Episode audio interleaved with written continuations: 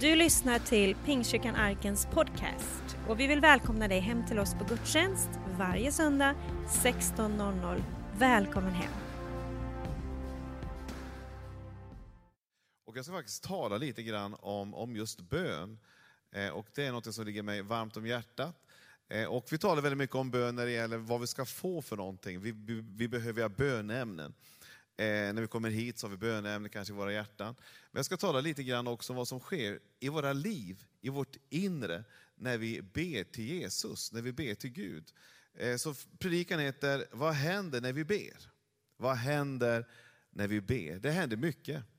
Jag vet inte om du har, eh, många har datorer, många har iPhones, många har olika typer av eh, elektriska hjälpmedel idag. Och, eh, jag har också en sån här, just nu en stor variant. Och eh, vid olika tillfällen så kommer det upp en liten, en liten eh, ruta mitt i skärmen som säger uppdatera. Har någon varit med om det? Så den, den, den lilla rutan där, den, tänker jag, den har inte jag tid med tycker jag. Så jag trycker på senare, den knappen. Problemet är att den kommer tillbaka efter ett tag.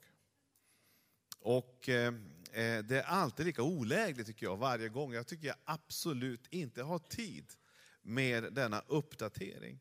Därför tycker jag än en gång, senare. Och så håller jag på så här, den dyker upp, den är väldigt envis. Så den ska bara komma tillbaka hela tiden. Eh, problemet är att om man håller på och trycker på den här senare-knappen hela tiden, till slut så blir det en viss typ av konsekvens.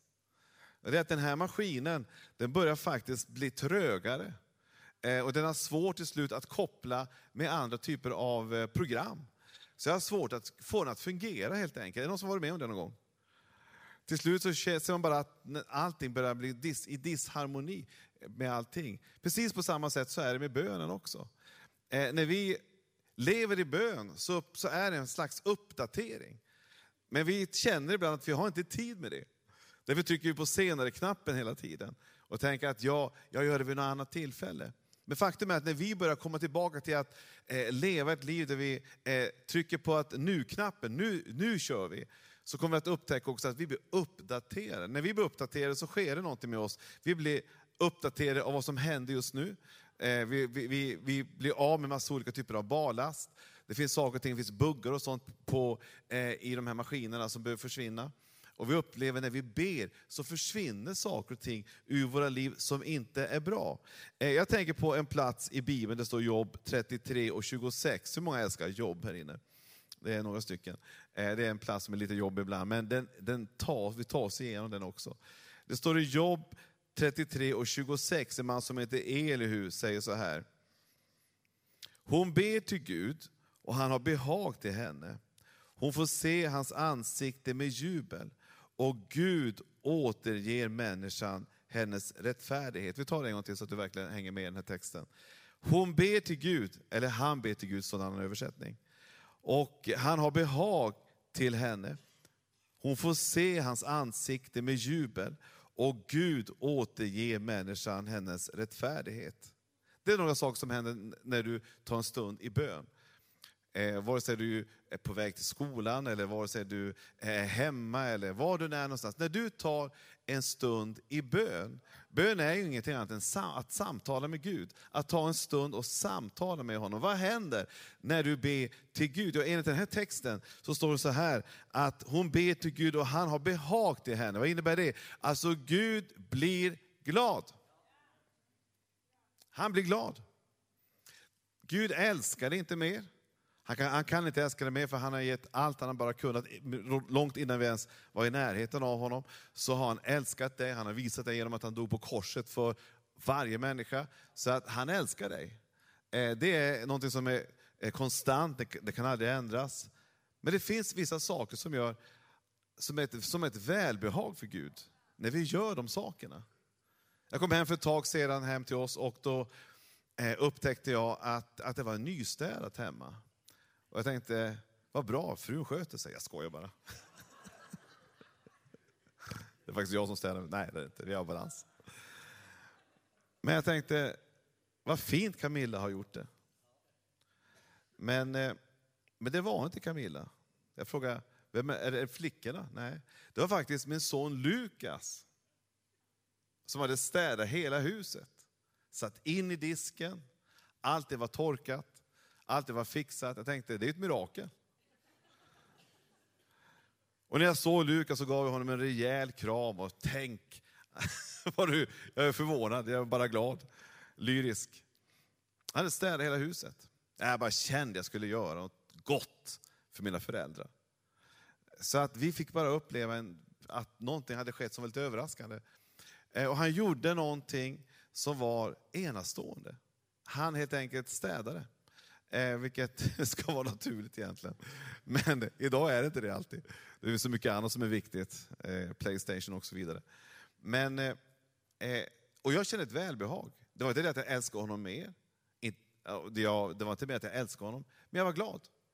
På samma sätt känner Jesus när vi gör vissa saker. Bibeln säger så här, Därför uppmanar jag er bröder vid Guds barmhärtighet att frambära era kroppar som levande och heliga offer, som behagar Gud, er andliga gudstjänst. När vi ber så blir Gud glad. När vi, när vi tjänar Jesus så blir han glad.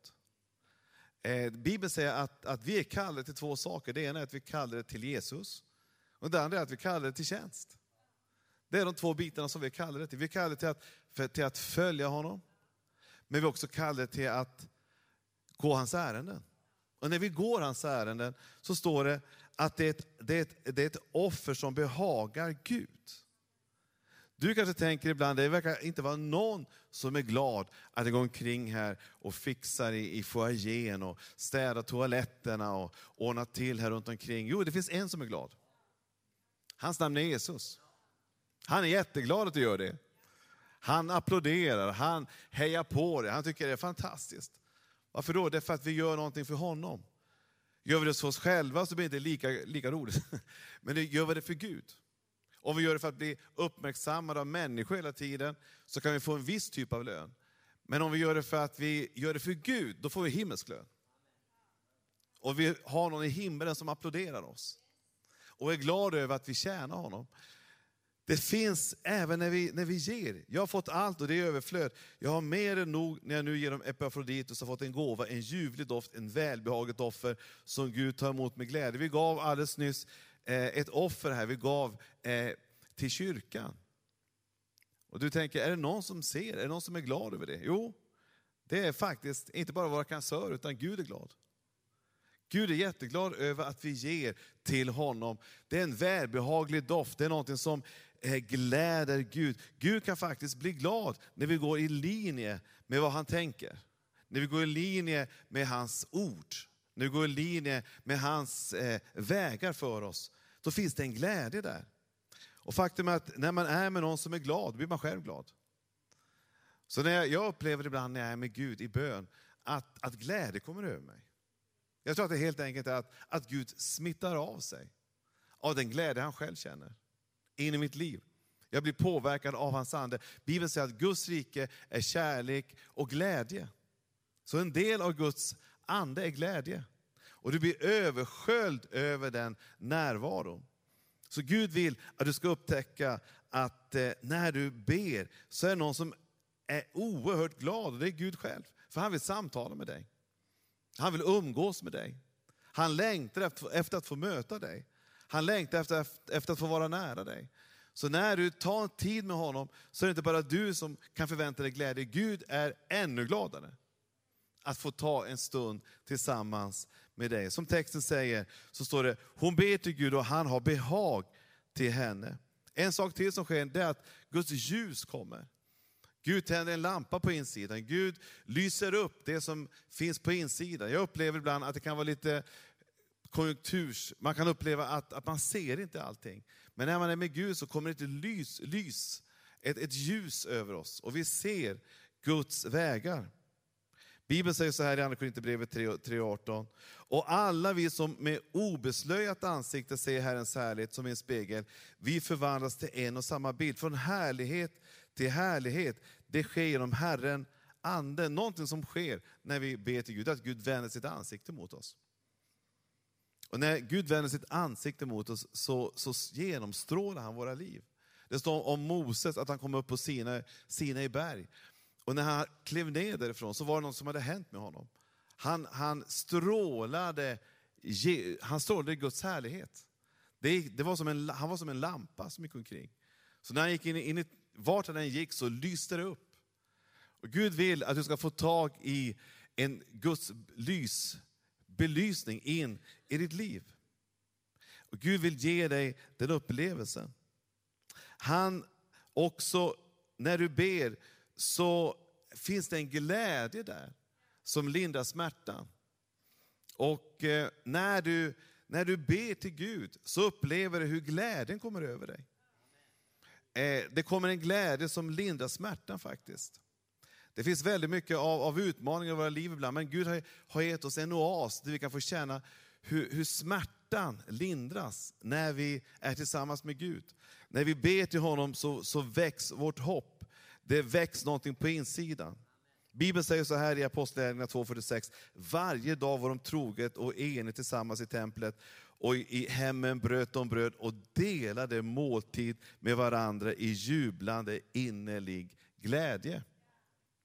Bönen ska inte göra dig mer deprimerad och mer fundersam och mer konspiratorisk, utan bönen ska göra dig glad. Därför att du är med den gladaste person som finns i universum och det är Guds ande. Och det är Gud själv. Han är glad. Bibeln säger att Jesus var smord med glädjens olja mer än sina bröder. Så den bild av Jesus som vi har ibland är av, av en person som ser oerhört bekymrad ut. Det är bara en del, det var på korset. Men jag tror att Jesus gick omkring faktiskt att vara glad. Jag tror han utstrålar en glädje hela tiden. Och Gud vill att du ska få tag i den glädjen också. Bibeln talar många delar om, om, om, om olika delar av, av det kristna livet, av kärlek och barmhärtighet. Men det finns också en del av glädje. Det finns en del av kraft, det finns en del, del av, av tillbedjan. Alla de här bitarna är viktiga. Men ibland så, så behöver vi känna oss glada. Och Gud vill ge dig den glädjen. När de första kristna träffades så var det ingen sorgsen sammankomst. Det var, ingen, det var ingen sammankomst där man bara var bekymrad över tillståndet i, i världen eller runt omkring. Utan man var glad. Och jag upplever att, att ju mer jag ber, desto gladare blir jag. Det är inte att det går åt andra hållet, utan jag känner att jag blir bara gladare och till slut ska jag faktiskt lyfta händerna ibland. Det är ett mirakel ibland att det händer. Och jag kan känna att jag faktiskt känner en, en oerhörd inspiration. Jag har faktiskt varit med i vissa tillfällen då jag har bett, kanske en hel dag, och det har slutat med att jag börjar dansa. Det kommer ni inte att få se här, den här eftermiddagen. Men man kan bli så glad ibland att man har svårt att stå still. Så glad kan man bli, som ett barn. Bibeln säger att Guds rike, där kan, det, det är som ett barn som kommer in i Guds rike. Vi kan få ta del av den typen av attityd av vi släpper alla bekymmer, vi släpper allting runt omkring. Vi är, vi är som barn inför Gud och vi får vara oss själva. Så glädjen finns som en ständig kraft. Och Bibeln talar om att fröjd i Herren är i starkhet. Jag tror att, att Gud vill att vi ska upptäcka glädjen, för det är hälsosamt. Det finns ju en, en berättelse om en man som var sjuk. Och eh, han, var, han var faktiskt dödssjuk. Och han tänkte, hur ska jag bli frisk? Så han hade hört talas om att det fanns, att man, att det fanns en hälsa i att skratta faktiskt. Så att, eh, därför att endorfinerna kickar in, alltså människans egen helande kemi. Så han stängde in sig i ett, i ett rum och så hyrde han Helan och halvan, det här är ju väldigt länge sedan. Så ingen vet vad Helan och halvan är för någonting här inne. Men Charlie Chaplin och så vidare. Och så satt han och skrattade. Han skrattade och skrattade och skrattade och faktum var att, att någonting hände. Det var liksom en, en, en, en, inte en vetenskaplig undersökning, men det var en undersökning och man, man kunde följa den, den resan på hur han faktiskt blev frisk. Han skrattade sig hälsosam. Och det finns en, en, en, kraft i, i glädjen. Det finns också en kraft när man känner att, att allting blir mörkt. Men Gud vill att du ska ha en glädje. Jag upplever att, att ju gladare jag blir, desto mer effektiv blir jag. Ju gladare jag känner att jag vet att mitt namn är skrivet i Livets bok, att jag har ett, en framtid och ett hopp, då känner jag att, att jag blir mer effektiv. Jag blir mer energifylld. Och Gud vill att du ska få tag i det. När vi tar en liten stund med Jesus, när vi tar en stund i bön, så bli inte förvånad om att du blir lite gladare. Amen.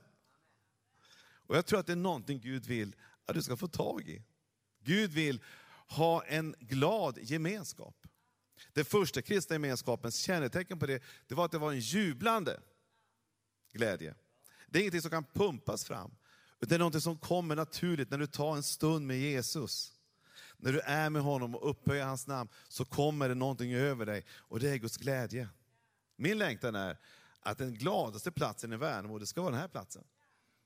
Folk ska känna att när man kommer hit, då blir man faktiskt uppmuntrad och upplyft. Det är en glädje som smittar, det är en glädje som lyfter, det är en glädje som ger energi. När jag är på en fest, då vill jag vara i det bord som skrattar mest. Det är där man vill hålla till. Inte det där alla ser otroligt eh, besvärliga ut, utan där man känner att det finns en glädje. Glädje är något som är attraktivt, alla vill komma dit. Inte en påklistrad glädje, men en djup glädje av att livet är underbart tillsammans med Jesus. Det kan vara saker och ting som är svårt ibland, men mitt i centrum av allting så har vi Gud. Och det finns en glädje som kan få skölja över oss, som en dusch ifrån himmelen, som rensar ur allt annat och ger oss perspektiv på att det är gott att vara tillsammans med Gud. Gud vill ge dig den uppenbarelsen från himmelen. Det är ingenting som vi kan pumpa fram, men det kan vara en del av Guds rikes frukter. Bibeln talar om att när vi är med den helige Ande, ett kännetecken på ett andefyllt liv, det är att, att man faktiskt känner glädje.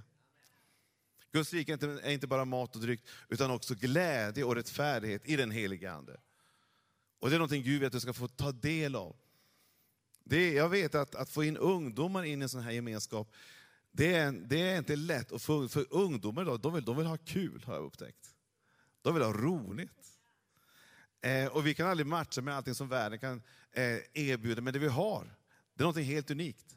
Det är en glädje som inte är påkostad av en massa roliga skämt bara. Vi tycker om att ha kul, vi tror på humor. Men det är en inre glädje som kan skölja igenom mig och som inte är beroende av saker och ting runt omkring, utan är beroende av att Gud är i centrum av mitt liv.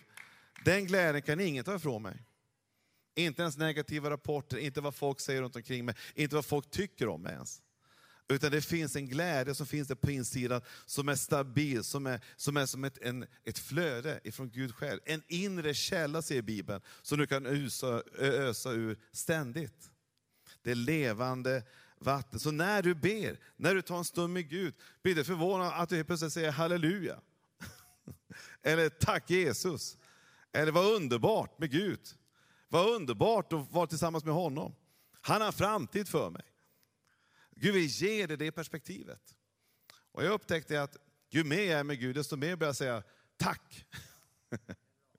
Vad underbart med Gud. Jag säger ibland till och med amen. Utan att jag behöver ha någonting runt omkring mig som egentligen är en, en orsak till det. Men det finns en inre orsak. Därför att jag har kontakt med himlen plötsligt. Och jag känner en koppling och känner amen. Vad innebär det? Det innebär låt det ske. Det kommer att ske, någonting gott kommer att ske. Jag har en förväntan på att Gud ska göra ett mirakel, ett under, ett genombrott. Jag får en glädje bara jag tänker på framtiden. Jag tänker inte att det bästa var då, utan det bästa ligger framför. Det är min glädje. Gud vill ge dig det perspektivet. Gud vill få dig neddopad i glädje som du aldrig någonsin kan hitta någon annanstans. Utan Gud vill ge den uppenbarelsen. Hur många längtar efter mer glädje i livet? Att få ta i Guds glädje. Vi har så mycket annat som kan dra ner oss, men det finns en källa som du ständigt kan få koppla med och plugga in i och få dra ifrån. Och det är Guds glädje. Folk kan säga alla möjliga saker, men det finns en glädje som ingen kan stjäla. Djävulen försöker alltid stjäla, slakta och förgöra. Men Guds rike är starkare. Och han är besegrad. Och när vi tar en liten stund med Jesus så återställs saker och ting. Det blir en uppdatering på insidan. Och du tänker, det var länge sedan jag var glad, men nu helt plötsligt kommer jag komma tillbaka till glädjen. Det blir en uppdatering på insidan. Och du känner att saker och ting som drar ner dig får eh, sättas undan. Han återställer också ordningen. När jag ber till Gud, när jag ber till Jesus, så upplever jag hur han sätter saker och ting till rätta. Saker och ting som kanske jag har eh, gjort som inte kanske alltid varit 100 procent. Vi kan alla säga saker, vi kan göra saker, vi kan uppleva saker. Och vi kan tänka, hur i all sin dag ska jag kunna få ordning på alla de här grejerna? Men du vet, det finns en Gud som har omsorg om dig. Han är en Gud som vill ställa allting till rätta. Han vill få dig att känna att du lever ett liv som kallas för rättfärdighet. Därför att det handlar inte om våra gärningar, utan det handlar om vad han har gjort. Om vi ser vad vi har gjort, vi gör saker och ting ibland. Men det finns en som vill göra allting rätt igen. Eh, Bibeln säger så här, och det förklaras rättfärdiga som en gåva av hans nåd, därför att de är friköpta av Kristus Jesus. Rättfärdighet är en otrolig möjlighet. Rättfärdighet handlar om att faktum är att, att Gud är inte arg på dig. Han älskar dig. Och du har det rätt ställt med honom. Bara du kommer till honom så får du det rätt ställt. Jag kommer ihåg ett tillfälle då jag fick låna min pappas gamla, eller nya bil, det var ju ny Volvo på den tiden. Det var ju väldigt eh, speciellt. Han hade köpt en jätteny bil, hade bara gått några hundra meter. Och jag fick låna den eh, och fara ut och köra med den och jag var 18 år gammal. Och den var bakhjulsdriven, jag hade bara kört framhjulsdrivna bilar. Och det var lite halt och det var lite snö och det var jätteroligt. Och jag tänkte jag ska testa alla gränser på den här bilen. Så jag åkte omkring med den och körde omkring med den. Eh, och jag körde lite för fort och lite för eh, slarvigt och jag hamnade i ett spår. Och eh, jag hade bara kört med min fars bil ungefär en kilometer, så körde jag rakt in i en stolpe. Och hela bilen kom, hela fronten trycktes in. Eh, jag lyckades backa och jag kände att elände. Hur kom det här sig? Det var ett vrak. Denna fantastiska bil som kostade hur mycket pengar som helst för min far hade jag nu totalkvaddat. Och så kom jag körande upp i Gammelstad, heter det här uppe i Luleå, och körde in mot, mot eh, min, vårt, vårt hus och där stod pappa och skotta gården. Ser han mig körande med det här vraket. Och jag ser hur han på norrländska säger någonting och det är inte vackert. Jag hör det inte men jag ser det, hela hans ansikte är så förvånat. Att vad var det som hände med den bilen? Och jag tänkte, ah, det, här, det här var inte bra. Så jag började ett långt, liksom, jag bara la mig platt och sa, pappa, förlåt. Och han sa bara, kinden i garaget, fort som ögat, sa han. Ingen ska få se det här. Jag har försäkring. Tack och lov. Sen pratade han aldrig mer om det. Det fanns inte ens. Jag tänkte att nu har jag kraschat någonting av förtroende, nu har jag kraschat någonting av en relation. Nu har det hänt någonting här, jag kommer få värsta utskällningen, jag kommer att bli helt förnedrad. Men pappa sa bara, kinden i garaget. Det här tar försäkringsbolaget. Han tog också självrisken, det var skönt. Men vad var det som hände? Det var att, att jag, jag kände att jag fick en upprättad relation. Jag kände att någonting hade gått sönder kanske. Men bara att jag kom tillbaka och fanns där, det var nog för min pappa. Och på samma sätt är det med Gud. Du kanske kommer med ditt vrak, du kanske kommer med saker och ting runt omkring dig som har gått sönder. Men det enda du behöver göra, jag vill säga det till dig, det är att komma till Jesus. Det är att komma tillbaka till honom. Du behöver tänk, tänk att du går i karantän någonstans och du ska stå där och vänta och vänta och vänta på bättre tider, utan kom till honom direkt. Direkt när du känner att allting kraschar, allting går sönder, ingen verkar bry sig om mig längre. Kom till Jesus. Du behöver inte tänka att jag ska försöka fixa allting och ordna upp allting och få eh, fixa alla om, och omständigheterna. Utan Gud vill ta hand om dig. Han vill leda dig. Han vill processa dig igenom. Han vill navigera dig igenom. En liten stund med Jesus kan jag ge dig det perspektivet av att Gud kommer att ge mig hjälp. Han kommer att se till att jag får hitta en väg fram. Varför då? Därför att han låter mig bli påmind om att jag är rättfärdig. Du tänker att du är värsta loser. Bibeln säger, du är en winner. Jag är liksom längst där nere, men Bibeln säger, jag har fortfarande en plan och destiny för dig. Jag har inte övergett dig. Bibeln säger så här, när vi nu har förklarats rättfärdiga och tro har vi frid med Gud genom vår Herre Jesus Kristus. Genom honom har vi också tillträde till den nåd som vi nu står i. Och vi gläder oss i hoppet om Guds härlighet. Men inte bara det, vi gläder oss också mitt i vårt lidande. För vi vet att lidandet ger tålamod, tålamod ger fasthet och fasthet hopp. Och hoppet sviker oss inte. För Guds kärlek är utgjuten i våra hjärtan genom den helige Ande som han har gett oss. Vilken enorm gåva Gud har gett oss genom rättfärdiggörelse. När vi ber till Gud så, sätter han, så ser han till att saker och ting börjar bli i ordning igen. Vi, vi kan göra saker och ting som är otroligt utmanande, men Gud hittar alltid en väg igenom allting. Det spelar ingen roll vad som har skett, det spelar ingen roll vad vi har gjort, utan Gud kan hjälpa oss igenom allting. Det är goda nyheter, det är gospel, det är evangelium, att Gud vill låta ditt liv få kännas rättfärdigt. Vad än som har hänt så vill han inte utklassa det eller gå förbi det, utan se just dig. Och han har en plan för dig.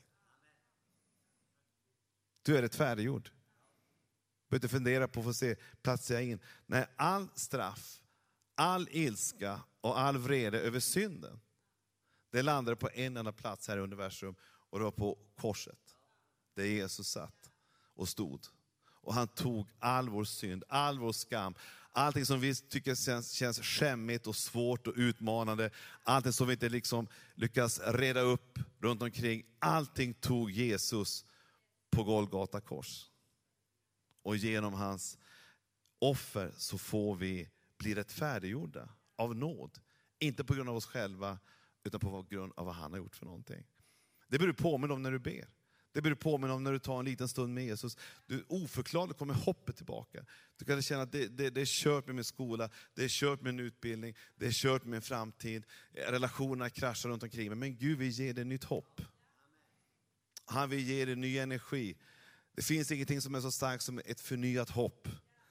Det gör att jag ställer mig upp igen och jag går vidare och jag gör det jag vet är rätt. Jag fortsätter att gå vandring med Gud. Jag kastar inte in handduken, jag blir inte defensiv, jag går inte och gömmer mig, utan jag kliver fram i ljuset tillsammans med Gud. Så bönen ger ett andligt självförtroende. Bönen ger dig en förmåga att gå vidare framåt. Och vi har haft en resa med vår kyrka tidigare som hette Jesus and Connect Church. Och en av de viktigaste bitarna det var att vi tog väldigt mycket tid i bön. Det var att vi kände att vi klarar inte av det här själv. Vi behöver hjälp. Och vi behöver hopp. För man hamnar i situationer ibland då saker och ting smäller till och det blir skarpt läge. Men mitt i allt detta så finns det ett hopp som aldrig sviker. Och det finns ett ljus och en väg framåt. Du tänker att allt det verkar snårskog, det är bara återvändsgränder, men Gud har en väg. Han har ett himmelskt GPS. Hur många älskar GPS här inne? Jag älskar GPS. Jag vet, jag, jag behöver, nu behöver jag faktiskt inte ha GPS så mycket mer här i Värnamo. Jag börjar hitta. Eh, men, men fortfarande en och annan gång så, så får jag sätta på GPS faktiskt för att hitta vägen och inte irra omkring här i Värnamo. Det är ju otroligt, nästan omöjligt att köra vilse i Värnamo, men jag har lyckats några gånger eh, faktiskt. Men du vet, det finns ett himmelskt GPS som tar dig till en destination. Och Bibeln säger att Gud har en plan för ditt liv. Vi säger det gång på gång, Gud har en plan. Och bönen hjälper dig att få ordning och reda och processa dig in i linje med hans tankar och med hans planer. Och de vägar och högre vägar som han har. Hans tankar är mycket högre än dina tankar. Vi kan tänka lågt om oss själva, vi kan tänka lågt om vår omgivning. Men Guds, Guds tankar är så mycket högre och han vet att du ska koppla med de tankarna.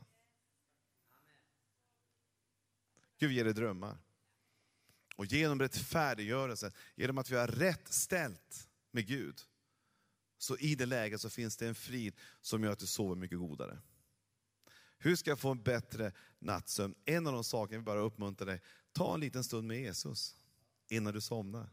Tänk inte problemen bara, utan be ut dem också. Tänk inte bara att jag ska försöka fixa det allt. Lämna över det till Gud också. Så Bibeln säger vid ett tillfälle eh, om, om Jesus, att bekymra inte för något, utan låt Gud få veta alla era önskningar genom bön och åkallan och tacksägelse. Då ska Guds frid som övergår allt förstånd bevara era hjärtan och era tankar i Kristus Jesus. Jag känner att när vi har bett där inne den här veckan, så är vi lite lättare i vår kropp. Vi känner att vi har lite mer spänst i stegen. Vi känner oss lite mer energifyllda. Därför att vi har blivit av med en massa bördor. Och vi känner att vi har lämpat över tyngden på Gud. Och faktum är, han orkar bära det. Han orkar bära, men människan orkar inte bära hur mycket som helst. Vi orkar inte bära hur mycket bekymmer som helst. Men vi kan lämpa över de bekymren på någon som orkar bära alltihopa. Bibeln säger, kasta era bekymmer på honom och han ska ge er frid. Så när vi ber så är det en otrolig möjlighet att få känna Gud ställer allting till rätta. Gud ställer allting till ordning och han visar en väg för mig. Det är en underbar upplevelse att få känna vid de tillfällena när saker och ting verkar nästan omöjligt i vissa lägen. Och du kanske är här som har en ekonomiskt svår situation. Du kanske känner att du har kört fast i ditt liv. Du känner att, att eh, det är olika saker som har dykt upp som, var, som var helt oväntat. Men du vet, Gud har en väg. Han sviker dig inte. Han har fortfarande ett hopp för dig. Du kanske känna att jag får inte ordning på, på min läxläsning, jag får inte ordning på, på, min, på min hälsa. Men Gud vill ge dig ett hopp. Därför att du är rättfärdig. Du har rätt ställt med Gud. Det finns en kanal rakt in i ditt liv av Guds välsignelse som han vill ge dig. Så Gud vill ge dig nåd och uppmuntran. Och vi brukar alltid avsluta våra möten genom att ta en stund i bön. Jag vill bara uppmuntra dig, ta en liten stund med Jesus. Det kan förändra allting. Det är en gammal låt egentligen, av Lina Sandell. En liten stund med Jesus. Vi ska inte sjunga den nu, men det är en fantastisk låt egentligen. Som handlar att en liten stund kan förändra allting. Vi tror ofta att det stora eventet ska förändra allting, men den lilla stunden tillsammans med honom. Jag behöver faktiskt få mitt liv uppdaterat varje dag med himlen. Det gör jag en liten stund med Jesus. Därför att jag vill inte missa någonting. Jag vill inte missa något nytt han har för mig. Jag vill inte, jag vill inte missa en enda dag. Speciellt efter att man har fyllt 53, då, då är varje dag viktig känner jag. Och jag känner att jag vill maximera varje dag. Det gör jag genom att uppdatera mitt liv tillsammans med himmelen. Så när du ber så öppnar sig mer möjligheter, mer vägar. Du, ser, du kan börja sortera vad som är viktigt och vad som är oviktigt. Och vart Guds väg går för någonstans. Gud har en plan för dig. Du har lyssnat på söndagens predikan från Pingstkyrkan Arken i Värnamo. Vill du komma i kontakt med oss eh, hittar du oss på arkenvemo.se. Välkommen hem till oss.